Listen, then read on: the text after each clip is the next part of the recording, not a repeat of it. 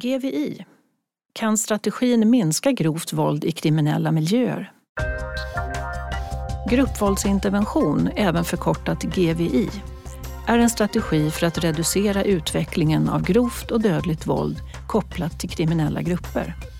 Hur kan gruppens interna tryck användas? GVI bygger på samverkan mellan polis, kommun, kriminalvård och civilsamhälle. Kan brottsförebyggande samverkan generera förändrade attityder och beteenden bland skjutande kriminella? Det diskuterar vi i det här avsnittet av Snacka om brott special, inspelat vid ett seminarium som Brå arrangerade under Almedalsveckan 2022. Medverkar gör Johanna Johansson, GVI-samordnare Polisen i Örebro, Marie-Therese Metzén, utredare vid Brå, samt Johanna Sollerman, strategisk samordnare för brottsförebyggande arbete på Örebro kommun. Moderator är Karin Svanberg, enhetschef på Brå.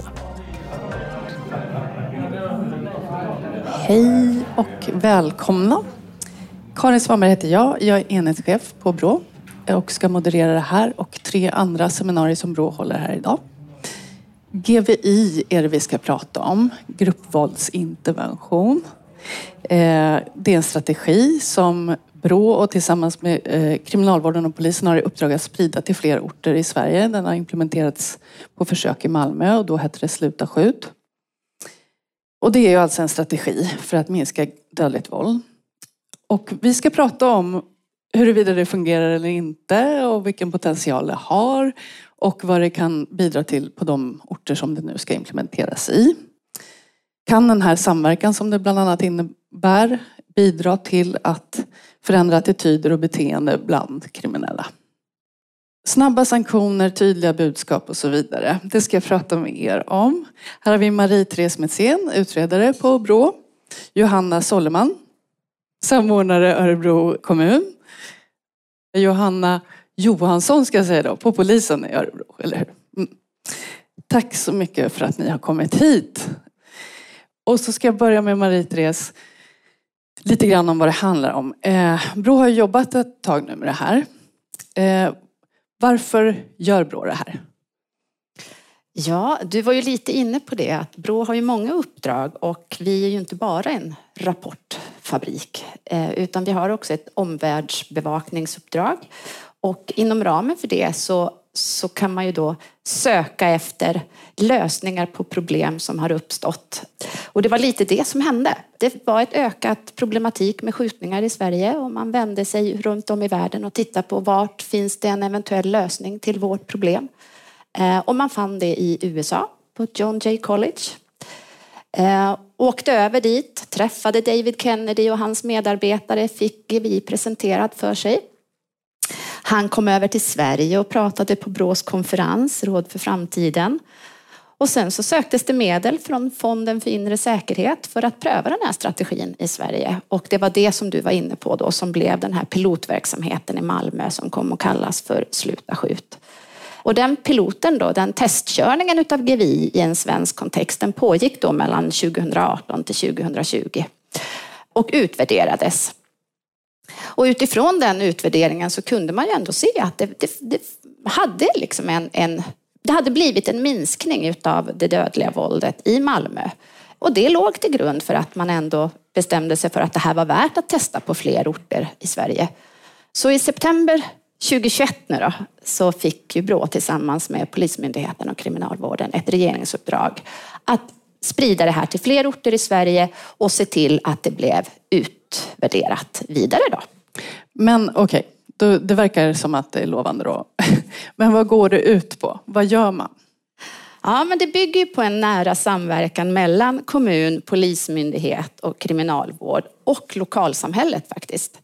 Eh, och det är en strategi, precis som du sa, för att reducera det dödliga våldet i samhället. Det är alltså bara det grupprelaterade våldet man riktar in sig på, inte på partnervåld eller annan typ av våld i samhället.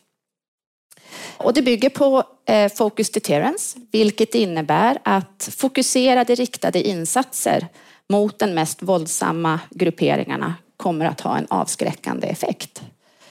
Det finns några centrala eh, utgångspunkter i GVI Och det bygger då på att det är få individer som står för det dödliga våldet och att de här individerna kan identifieras.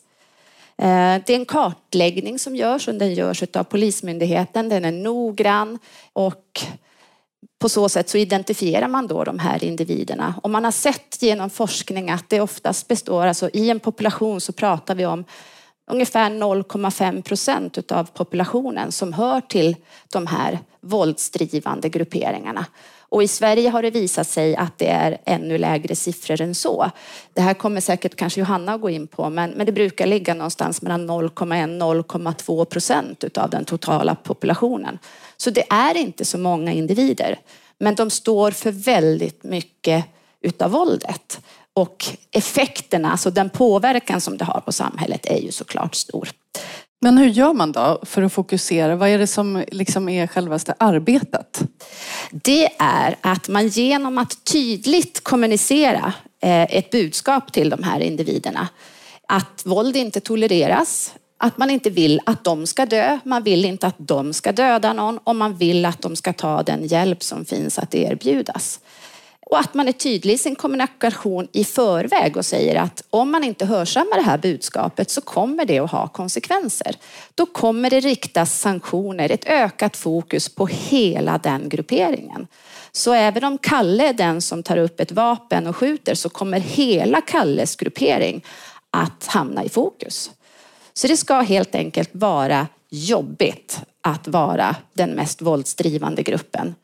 Och då kommer det att leda till att det interna grupptrycket kommer att göra att man väljer att lösa sina problem på ett annat sätt utan att använda våld.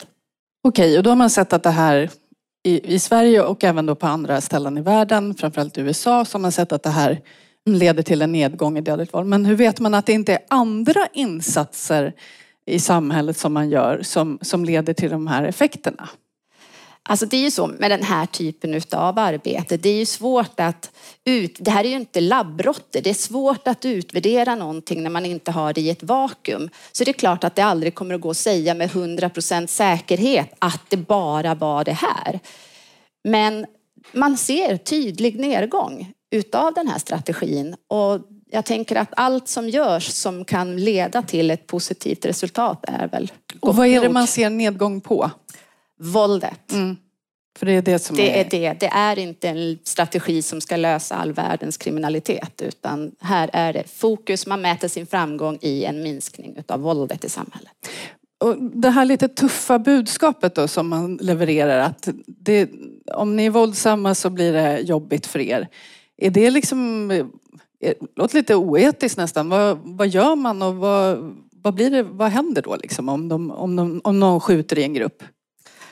Här ska samhället då ta till alla möjliga medel för att sätta det här trycket på de här individerna. Och det är ju myndigheterna, allt ifrån Kronofogden, Polismyndigheten, eh, alltså allt som man kan tänka sig. Att de kontrolleras, alla utredningar ska prioriteras, man kollar deras ekonomi, man beslagtar för dyra bilar. Alltså kreativitet. Och det, och det är då på den gruppen som senast har varit Precis. våldsam? Okay. Men det vet de om i förväg. De har Mm. fått det beskedet. Det här kommer att hända om ni använder våld. Men blir det inte så då som att man struntar i vad andra kriminella gör? Alltså att man, om man bara fokuserar på den här gruppen, blir det inte liksom som att man då lämnar man de andra därhän då eller? Nej, nej, det är klart man inte gör. GVI är ett verktyg utav många och det är klart att det pågår en hel massa andra insatser och brottsförebyggande arbete. Eh, och som jag sa, GVI handlar om att reducera våldet, inte att komma åt narkotikaproblematiken eller ja, all annan form av kriminalitet. Så att det är ett av många medel. Just det. Ett sätt att leverera budskapet är ett så kallat call-in. När man kallar det till möte. Det är det som man oftast har hört talas om om man har läst på om eh, GVI. Hur får man folk, och, liksom de här kriminella, att komma dit? De är under övervakning hos kriminalvården och blir kallade dit genom, eh, alltså som en del i den, deras påföljd helt enkelt. Så det är inte någon frivillighet i det utan kommer man inte så blir det en misskötsamhet. Eh, och det är de individer som man tittar på vilka har vi under övervakning och vilka kan förmedla det här budskapet ut till övriga individer i de här grupperna. Och det är då ni bjuder på pizza då? Ja, det har ju stått en del om det i tidningen att det här är en pizzametod. Det, efter det här callinet, på callinet så blir de eh, informerade om att de får bara lyssna. De ska sitta i en timme och bara lyssna. Efteråt så finns det möjlighet att mingla med dem som, från lokalsamhället som finns på plats. Eh, och för att få de här individerna att stanna kvar och prata med de här människorna från lokalsamhället så behöver man sätta någonting i händerna på de här grabbarna. Eh, och det var vid ett tillfälle pizza. Okej. Okay. Och då erbjuder man ju också stöd vid det här tillfället. Och hur många är det som tar det direkt efter ett sånt call-in? Eh, de allra flesta blir, alltså de blir ombedda om att få lämna sina telefonnummer och sen så blir man uppringd efteråt och de allra flesta lämnar sitt telefonnummer. Och när man har tittat under pilottiden i Malmö så hade väl de uppåt, jag tror att det var 130 individkontakter med individer då som har varit på Kolin eller som är i de här grupperingarna och på så sätt har fått budskapet. Om man nu ska vara lite krass då, varför ska man ödsla tid på den här lilla, lilla förhärdade gruppen som redan är jättevåldsamma? Är det inte bättre att jobba med att stoppa nyrekryteringen och liksom innan det blir så här? Mm, för det första, det ena utesluter ju inte det andra. Eh, och så tänker jag att vi bygger på en, en grundprincip, att man tänker att det går att få till en beteendeförändring om det ges rätt förutsättningar. Och framförallt får vi ner det dödliga våldet, får vi ner den här typen av våldshändelser så ger det ju också arbetsro till att ägna sig åt annat brottsförebyggande arbete. Och stoppa nyrekryteringen och allt det här andra som vi också behöver göra. Då ska vi gå över till Örebro lite grann eh, och höra vad som händer där. Ni ska nu införa den här strategin, eller ni är på god väg skulle jag vilja säga. Har ni mycket problem med dödligt våld och hur ser utvecklingen egentligen ut i Örebro? Eh, men i Örebro när det gäller våld med dödlig utgång så har vi legat på ungefär samma nivå de senaste fem åren. Vi har ungefär tio ärenden per år. Eh, det här är inte enbart GVI-ärenden. Det är alltså inte bara ärenden som är kopplat till de här kriminella grupperna. Eh, tittar man på ärenden med skjutvapen involverade så har vi ungefär ett par stycken per år med dödlig utgång. Och där kan man väl se att det oftast är kopplat till de här miljöerna. Tittar vi på försök, förberedelse och stämpling den här typen av brott så ser vi en ökning efter 2019 men även där ungefär 10 per år. Eh, vi kan se en ökning av användning med skjutvapen sedan 2020. Så Örebro sticker inte ut statistiskt sett. Men vi ser att det här har en stor påverkan på lokalsamhället. Johanna kommer komma in lite mer på det. Vi ser också som du var inne på att det kostar otroligt stora resurser. För polisen kostar det här jättemycket resurser. Både när det gäller trygghetsskapande arbete efter en händelse, efter ett grovt brott. Men också utredningsmässigt. Men det kostar också sjukvården och andra resurser från samhället. Vad blir den liksom största skillnaden då för er? Ni jobbar ju naturligtvis eh, brottsförebyggande och repressivt och så redan innan. Men vad blir den stora skillnaden nu när ni inför den här strategin? Men jag tänker att det är väldigt viktigt, du var inne på det också, att, att GVI är ett komplement till det vi gör och vi jobbar med olika saker samtidigt. Jag är brottsförebyggande strateg och försöker se till att Örebro kommun har en strategi kring hur vi ska förhindra eh, våran stad och miljöer i den. Att eh, möjliggöra brott eller skapa otrygghet och att individer som bor där inte ska utveckla kriminalitet. Det är ju det förebyggande arbetet vi vill åt. Men skjutningar och det grova dödliga våldet och kriminella grupperingar där det här händer det tar allt syre i rummet lite. En skjutning påverkar ett närområde, direkt påverkar medborgarna, direkt påverkar tryggheten och den allmänna debatten kring de här händelserna är otrygghetsskapande. Så vi måste liksom jobba uppifrån och ner samtidigt som vi lägger, vi vill ju lägga vårt fokus på det förebyggande. Men för att göra det så måste vi också jobba med den här toppdelen av kriminaliteten och våldet. Och vi behöver försäkra medborgarna om i Örebro att vi ser det här problemet. Vi vet att skjutningarna händer i eh, miljöer i, i våra utsatta områden till en högre del, där det bor fler människor. Man blir alltså direkt påverkad. De senaste skjutningarna hände väldigt lokalt i närheten av en förskola. Det går ju liksom inte att se förbi om vi ska ha någon trovärdighet i hur vi möter våra medborgares upplevda trygghet. Och frågan du ställde var? Vad blir den största skillnaden jämfört med när ni jobbar idag? Vad är det som... Det är ju att vi har en, en gemensam syn på det är en liten del och den är avgränsad. Nu är det den här frågan vi jobbar tillsammans med. Och i Örebro har det varit till styrka att det är en polisdriven. Det är kartläggningen på vilka individer, vilka grupper och vilka individer och grupper i den här kartläggningen vi fokuserar på just nu. Det skapar en trygghet och en avgränsning. När GVI möter den här grupperingen. Just det. Men äh, även om det nu är avgränsat, det är ju avgränsat när det gäller kriminella personer, men det är väldigt många ändå som måste involveras från flera olika organisationer. Hur, hur ska ni få med alla på tåget här nu då? Hur gör ni? Jag tänker att vi ska prata lite mer om skillnaderna också mm. kanske innan vi går vidare till den frågan. För oss handlar det mycket om att med GVI får vi ett tydligt gemensamt mål med tydliga gemensamma prioriteringar. Vi har olika verktyg allihopa men vi jobbar mot samma grupper, samma individer vilket vi tror kommer ge en bra effekt. Lokalsamhället har också en väldigt tydlig roll i arbetet med strategin på ett sätt som vi kanske inte har Kan du berätta lite? På vilket sätt har de en tydlig roll? Nej, men dels handlar det om att lokalsamhället har en stor del i Kolin. Eh, men också för att visa på att hela samhället står bakom strategin. Vi är trötta, vi i Örebro är trötta på våldet. Vi vill göra någonting åt det här. Det här är inte bara polisen, det är inte bara socialtjänsten eller kriminalvården, det är hela samhället. Vet ni nu vilka i Örebro som kommer representera civilsamhället i, på en Kolin? Ja, Eh, jag kan säga att implementera GVI i Örebro har varit lite som att skära i smör.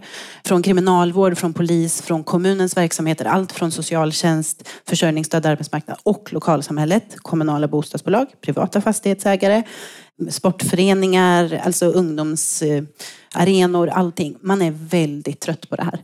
Och man är väldigt glad att det finns ett sätt att fokusera tillsammans. Och man har en man förstår tänket fort för vi vet, Örebro har ju både styrkan och utmaningen att vi är ganska små. Så vi vet ju ganska konkret vilka individer det här berör. Jag tror inte att det finns någon som jobbar med unga eller unga vuxna idag som inte förstår ungefär vart vi kommer landa. Eh, och därför så slutar man upp. Lokala, lokalsamhället har ju vi ändå valt att kalla det, det inkluderar både kommunala verksamheter på plats men också civila samhället.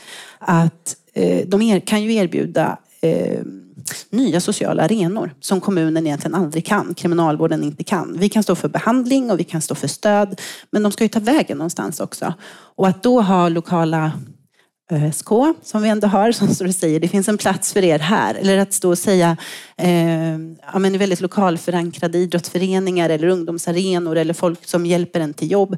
Eh, ni är välkomna till oss. Eller religiösa ledare som är jätteviktigt. Och det har varit ja, det är stor uppslutning kring att vara med. Okej, det är skära i smör. Finns det några utmaningar? Det låter ju inte så. Nej, i Örebro gör det ju sällan det. Nej, men det är klart att det finns utmaningar. En är ju såklart långsiktigheten. Det här är ett långsiktigt arbete som vi ser att vi ska jobba med i flera år framåt. Eh, men också det här, GVI mäter hur många våldsbrott, grova dödliga våldsbrott vi har. I Örebro som jag var inne på, vi har inte jättemånga så det kommer bli svårt att mäta statistiskt den effekten. Så vi måste hitta andra vägar att titta på. Vad, hur påverkar det här våra verksamheter? Vad ser vi utöver grova dödliga våldsbrott till antal? Men det blir också en utmaning att eh, kommunicera ut till allmänheten vi kanske har minskat med ett brott eller kanske ökat med ett brott. Men vi kanske ändå har lyckats väldigt bra i strategiarbetet och vi ser att det här är bra för Örebro. Det är en utmaning. Just det. Och, och hur tänker ni att det ska gå till då? Har ni någon plan? Nej, men lokalsamhället igen blir ju väldigt viktiga. Att få ut rösten till medborgarna om att myndigheterna jobbar med rätt saker. Eh, och att vi möter upp och att vi kan fokusera på annat. Det handlar ju om skattebetalarnas pengar och det handlar om ett förtroende för myndigheter och i vårt fall kommunen. Då.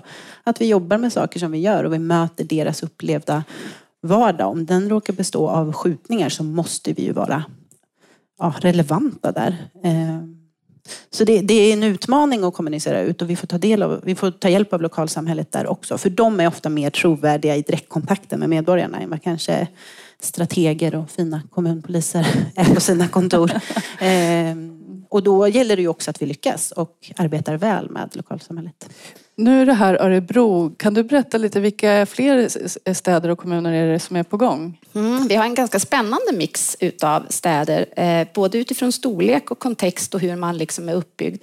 Eh, men de städer som är aktuella just nu det är Göteborg, det är Uppsala, det är Huddinge. Sen är Järfälla och Upplandsbro kommun har valt att göra det här tillsammans, vilket är spännande att två kommuner ska jobba helt lika. Och så är det Örebro då.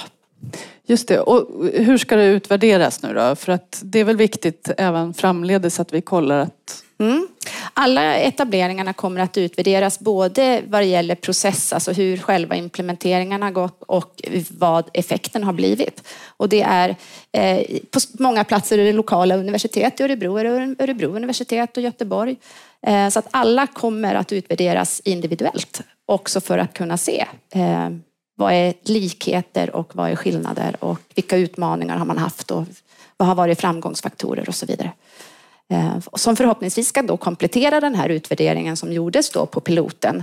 Eh, där man då uttryckte att det var svårt att säga eh, att det var bara GVI eftersom att det pågick annat. Så nu kommer det ju fem ytterligare utvärderingar som kommer att hjälpa eller skälpa. Vi får väl se. Spännande är det hur som helst. Okej, eh, vill ni berätta någonting mer om Örebro som ni inte tyckte att jag frågade om här nu?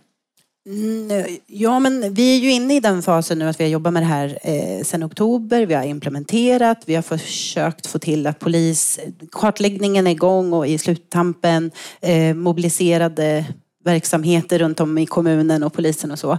Sen har vi ju haft en, en tuff avslutning på den här våren med eh, skjutningar i, i eh, och flertalet skjutningar. Och vi ser ju att vi, åtminstone i all den här tragiken och sorgen och det tuffa arbete som blir, eh, har en bättre möjlighet att möta individerna kring offer och förövare. Så vi har ju kunnat med hjälp av kartläggning kunna möta de här individerna som står runt. Så du det... menar att ni var rustade, alltså, även fast det inte är igångsatt så har ni redan haft Nej. nytta av arbetet? Ja, mm. för man gör ju direktkommunikationen via de här call som är stormöten och sen gör man individsamtal i något som heter custom notification eh, i brist på bra svensk översättning. Men, men, och vi går ju inte fullt ut för vi har ju fortfarande inte sanktionerna på plats. Men det vi kan göra, det är att möta individer som är i sorg, eller som är i ilska, eller som är i chock. Åka och möta dem, polis och socialtjänst i vårt fall.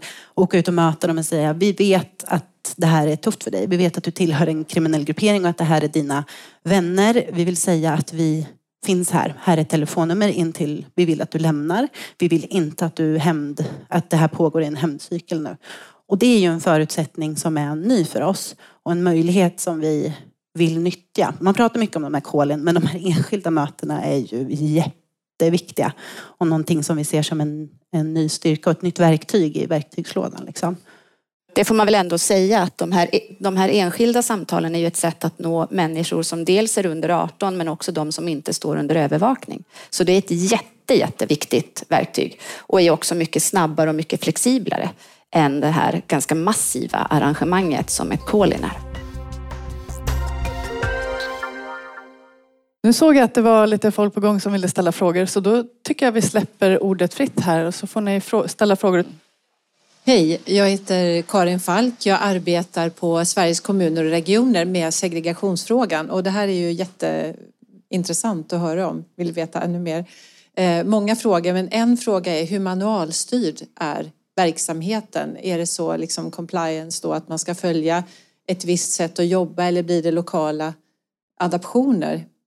Ja, alltså både och skulle jag säga. Ja, det är en, en manualstyrd strategi och det är viktigt att man följer den hela vägen och inte bara tänker att man ska plocka russin ur kakan. Men sen blir det ju lokala liksom variationer utifrån att alla kommuner ser ju olika ut och man har olika Eh, möjligheter att erbjuda både, eller både stödet men också olika, lite olika möjligheter på vilka sanktioner man kan använda sig av. Så det kommer att bli lokala variationer. Men det är i grund och botten väldigt manualstyrt. Det finns en grundform kan ja. man kanske säga. Ja, det påverkar kartläggning till mångt och mycket och det påverkar den här gruppinterventionen, vad som ska sägas och budskapet i. Du sa det fint med de här fyra punkterna. Vi vill inte att du dör, vi vill inte att du dödar, vi vill att du tar den hjälp vi erbjuder och gör, fortsätter våldet så kommer de här sanktionerna ske. Det genomsyrar allt. Eh, så det, det påverkar den delen, vilket också gör det väldigt tryggt för oss som jobbar i det. För ja, hade en enskild kommun, till exempel Örebro, fått bestämma lite mer, då hade vi varit, då hade alla inkluderats och vi skulle jobba med allting. Alltså det här är, nu, det här är det som vi gör i det här. Och då eh, kan du berätta lite om vilka som ger stöd till Örebro för att de inte ska inte göra fel om man säger så. Mm, ja, men det är ju vi bland annat då och eh, en nationell arbetsgrupp som, som får stöd och hjälp av NNSC som då är då National Network for Safe Community i USA. Som dels ger oss stöd för att vi ska kunna stödja de lokala etableringarna, men också faktiskt handleder direkt på lokal nivå. Så att The Johannas har ve veckovis kontakt med dem, eller? Mm. Och jag tänker för våran del så har det varit jättestort stöd. Malmö var ju de som tog strategin till Sverige och provade allting. Vi kan ju lära oss jättemycket av deras erfarenheter. Eh, så att vi har ett guldläge med det stödet vi har och också den praktiska erfarenheten som finns i Malmö. Vi har ett nätverk så att det blir ett erfarenhetsutbyte där alla etableringarna kan byta erfarenheter och ställa frågor till varandra och så vidare. Eh, där då polisen, kriminalvården och Brå eh, är med. Finns det fler frågor? Ja. Hej, Hanna heter jag. Jag är från Upplands Väsby kommun, eh, jobbar för Moderaterna där. Jag tänkte bara, det råder ju ganska stor polisbrist eh, och Stockholm, jag hörde nu Järfälla och Upplandsbro ska gå in i det här. Hur blir det liksom om jag som kommun vill gå in och få de här myndigheterna att liksom vara med på tåget? Blir det en ja, kamp mellan kommunerna att få det här stödet? För det känns som att det är svårt redan nu att få polisen att komma till vår kommun ens en gång. Vi har ingen polisstation och så vidare. Hur får man till det här samarbetet på liksom alla kommunnivåer om man nu skulle vilja implementera det? Hur får man det stödet? Vi har fått en viss mängd resurser för att ge stöd till ett, ett, antal kommuner. Och den potten är nu fylld. Så vi kan inte ge stöd till fler. Polisen har i, i grundbotten liksom lagt så här, de här ställena skulle behöva det här arbetssättet. Och det är det vi har utgått från i urvalet. Sen så måste ju alla på den platsen vilja göra det här. Precis som du säger, både kommun och polis måste vilja göra det här annars så går det liksom inte. Och kriminalvården måste ju också naturligtvis vara med på ett hörn. Men för att få det här stödet som är nu, eh, som vi ger till de här implementeringarna, det, den potten är så att säga full. Tyvärr. Mera frågor? SKR? Hej igen. Jag funderar lite på hur det här eh, skulle kunna hänga ihop med, eller om det hänger ihop med avhopparverksamhet och liknande. Mm avhopparverksamhet blir ju en del utav, om GVI nu är ett verktyg för att komma åt kriminaliteten i samhället så är avhopparverksamheten ett verktyg i det sociala stödet som man kan erbjuda, den hjälp som finns att få. Eh, men det här är ju inte en regelrätt avhopparverksamhet, vilket det ofta i media kanske eh, sammanblandas med. Men självklart, får vi dem till att vilja lämna och göra en livsstilsförändring så är ju det en fantastisk bonus. Men stödet kan se väldigt olika ut. Allt ifrån att man vill ha hjälp att ringa Transportstyrelsen för att kolla hur lång tid man har kvar innan man får ta körkort till att man helt vill lämna det kriminella livet. Skalan är Ja, och erfarenheten från Örebro kommun är ju också att ja, men vi har avhopparverksamhet. Vi har sociala insatsgrupper, vi har behandling och stöd till människor i kriminalitet. Sen finns det ett litet glapp där i vad vi, vad vi kan göra och vad vi har för att möta den här målgruppen. Alltså utvecklingen av kriminalitet som problem har, har gått fort och vi springer lite efter. Det tror jag är generellt i, i Sverige. Så det ger ju också oss en möjlighet att, att shapea upp. Vi kan mycket liksom, och man möter ju människor i behov eh, som socialarbetare jämt. Men till exempel där så är det ju, nu handlar det ju om att mobilisera så att vi kan möta den här målgruppen. Och vi tänker att vårt första call-in är i höst. Men det är ju också startpunkten för att fortsätta utveckla adekvat stöd till människor som finns i de här grupperingarna. En del kommer behöva lämna stan via avhopparverksamheten. En del kommer behöva en komplex multimodal insats i våra områden. Och en del kommer behöva bara stöd till vissa specifika saker för de klarar resten. Och vad är det för behandlingsmetoder vi behöver träna upp oss på? Vi har vuxna, vi har barn. Eh, vad är det för typ av stöd? Vad behöver vi ha av våra kommunala bostadsbolag, privata aktörer, fritidsverksamheter? Så att steget i att utveckla adekvat hjälp eh, har ju påbörjat. Vi försöker liksom skjuta ihop stolarna närmare varandra så att ingen ska falla emellan. Men, men vi behöver också utveckla det och det tror jag är gemensamt för Sveriges alla kommuner. Och det får vi ju hjälp av när vi använder oss av den här eh, strategin. Jag upplever att kommunen verkligen har tyckt att det har varit en styrka här. Eh, det är viktigt att man gör den inventeringen ja. innan man går in i ett aktivt operativt arbete. För när du står där på call då måste du vara säker på att det du kommunicerar, att den här hjälpen finns att få, den måste du kunna backa upp när telefonsamtalet kommer. Det är inte då man ska börja diskutera vem som har betalningsansvar eller vart vi ska göra saker, utan då ska allting vara på plats. Hej, Peter Wittnavall, Länsstyrelsen i Kronobergs län. Eh, jag har en fråga som gäller er alla, alla fyra.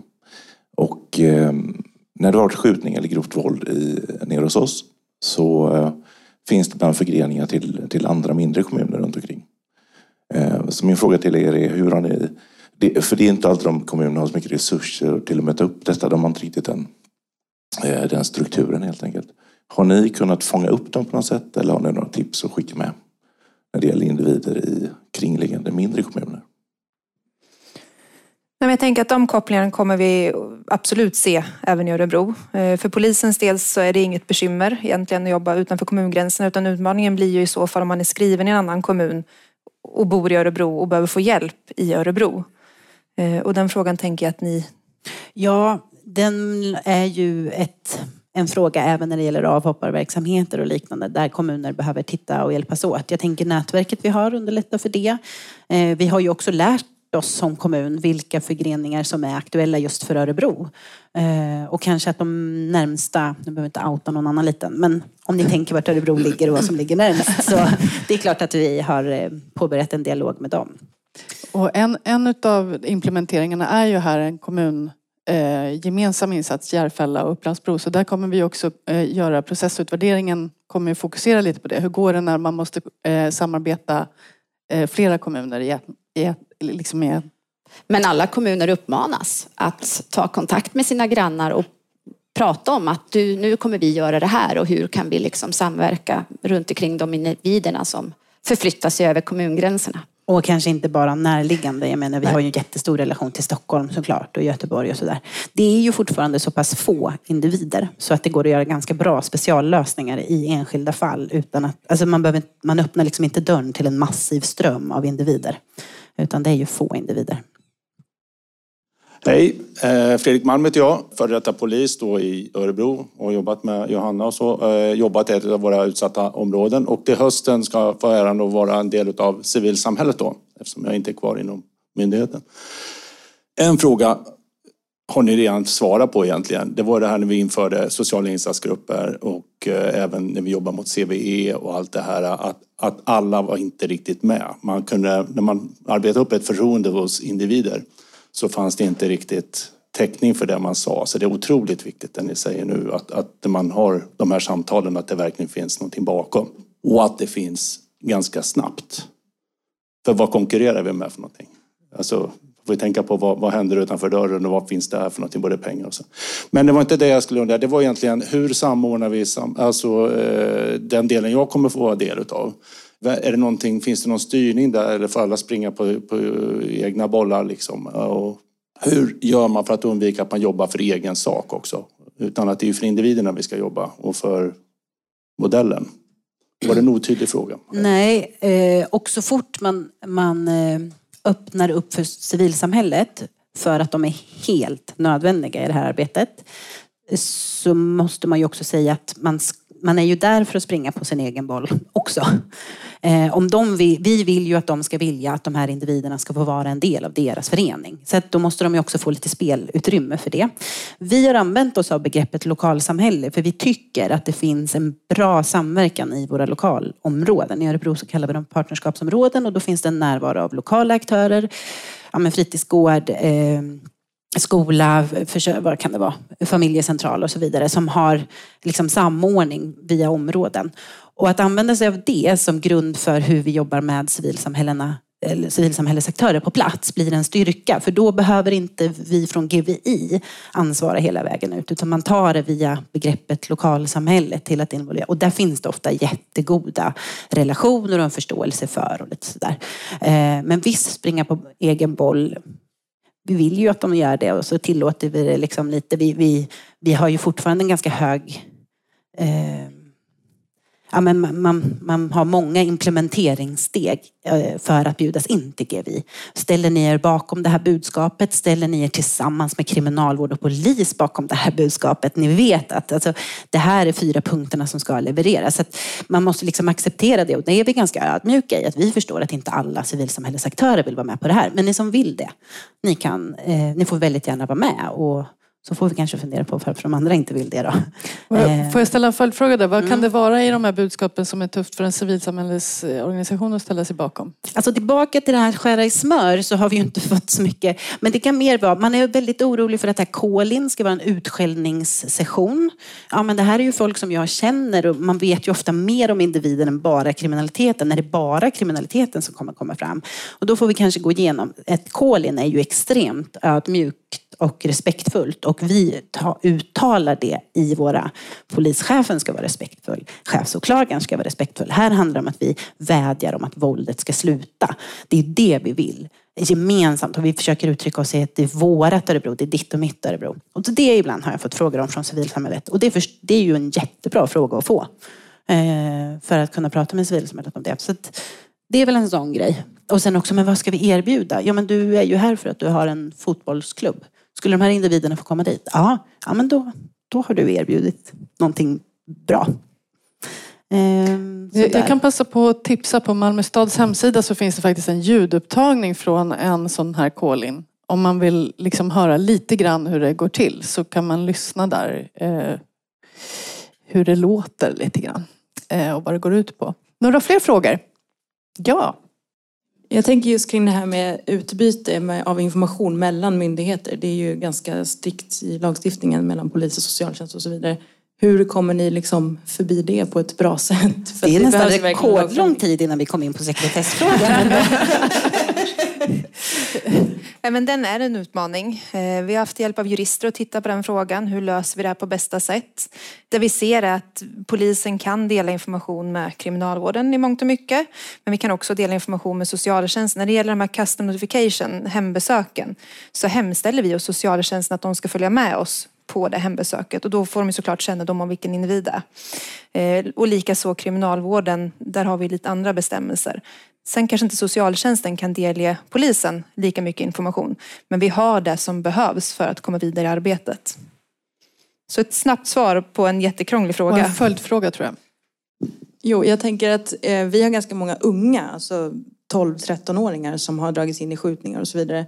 Då är det verkligen en socialtjänstfråga. Eh, och jag tänker så här, vad är det för åldersspann på de som man riktar sig mot? Det, är det alla? Det är kartläggningen som avgör vad åldersspannet blir. Har ni 12-åringar i kartläggningen så är det 12-åringar ni får jobba med. Och organisationen i Örebro, jag tänker det som förespråkas i strategin är att man har en koordinatorsgrupp med representanter från berörda delar inom polisen, berörda delar inom kriminalvården och berörda delar i kommunen. I Örebros fall, och den här är ju lite, vilka man väljer det är ju beroende på vilken organisation man har i en kommun. Så från oss så är det eh, socialtjänster representerade, eh, arbetsmarknadsdelen och sen funderar vi på mottagningsgruppen. Och i social, hon, socialtjänstens koordinator hos oss, hon ansvarar ju för att hålla ett nätverk i socialtjänsten för att implementera sociala insatser, eller för att implementera GVI där.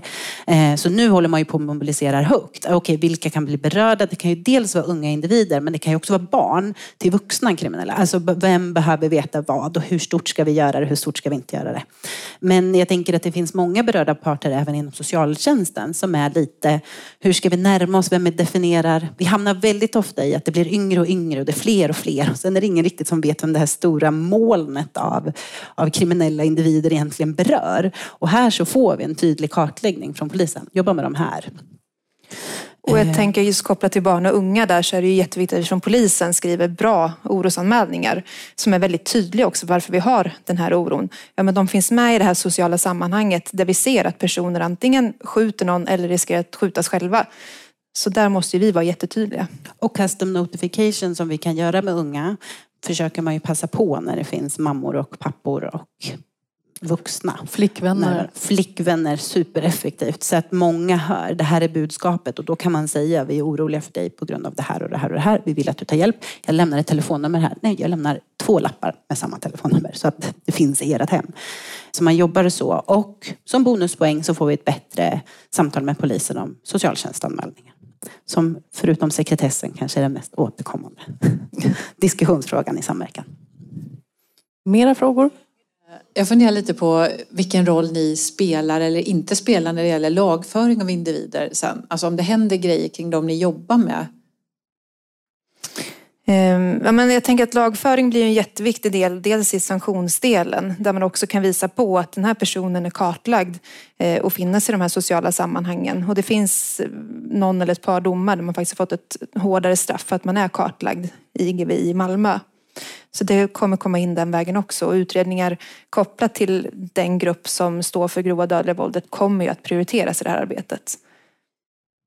Och vi kartlägger ju också folk som faktiskt sitter eh, inlåsta och anhållna. Så de, är man del av en, en gruppering, oavsett vart man är rent fysiskt, så är man kartlagd. Det här återkopplar nu till en fråga som jag kanske inte riktigt fick svar på, eller om vi hoppade vidare. Det ni berättar nu visar ju på att det är otroligt många som behöver kunna och förstå strategin. Både inom polisen, lagföring, alla eh, underrättelsetjänsten, ja nästan alla tror jag. Och socialtjänsten, nästan hela kommunen har du rabblat upp. Hur ska alla komma med på tåget? Jag tänker att eh, alla, ni måste ju få mer alla. Ja, jag vill bara, det här skära i smör har ju också varit, eh, förutom samverkansmöjligheten, men Eh, det har funnits liksom ett glapp här, ett behov som många har identifierat och sett. Och här har vi fått en tydlighet i vad vi ska samlas runt. Vi har en, en god grundad vardagssamverkan, polis, kommun och lokalsamhälle i mångt och mycket. Eh, så det här GVI har ju blivit någon slags ja men nu kan vi verka upp till bevis, liksom. nu kör vi hur vi har fått med alla, vi har gjort ett gediget implementeringsjobb. Vi har pratat och pratat, kommit tillbaka och pratat, sagt att men vi ska ta det här ordentligt och fått med oss nyckelaktörer i lokalsamhället som förstod fort vart vi ville och hur vi tänkte och blev liksom eh, representanter ute i sina förgreningar på ett klokt bra sätt. För det är många som eh, frågar så här, oh, men gud det är väl bara att köra, så kom igång nu då. Nej, nej, nej. nej det, det, är, det är en ganska lång uppstartsfas som ja. jag har förstått saken. Ja, det är det. Och vill man göra det ordentligt så är det en lång uppstartsfas. Det är många saker som ska komma på plats. Kartläggningen tar otroligt lång tid för polisen. Samtidigt jobbar vi på med en implementering och det är jätteviktigt för oss i och med att det här är långsiktigt, det är inte ett projekt, det här ska vi jobba med.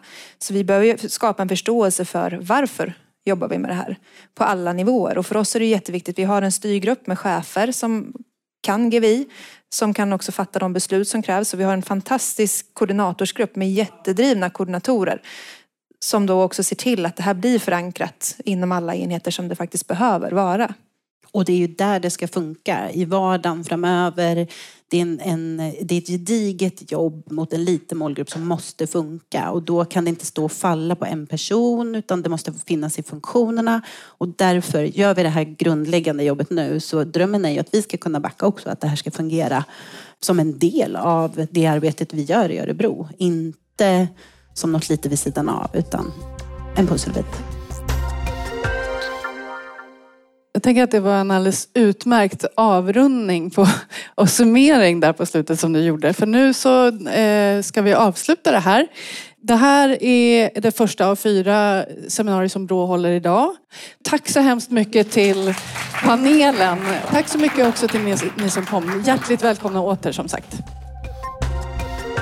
Du har hört ett avsnitt av Brås podd Snacka om brott special inspelat under Almedalsveckan 2022. Medverkade gjorde Johanna Johansson, GVI-samordnare Polisen Örebro, Marie-Therese Metzén, utredare vid Brå, samt Johanna Sollerman, strategisk samordnare för brottsförebyggande arbete på Örebro kommun.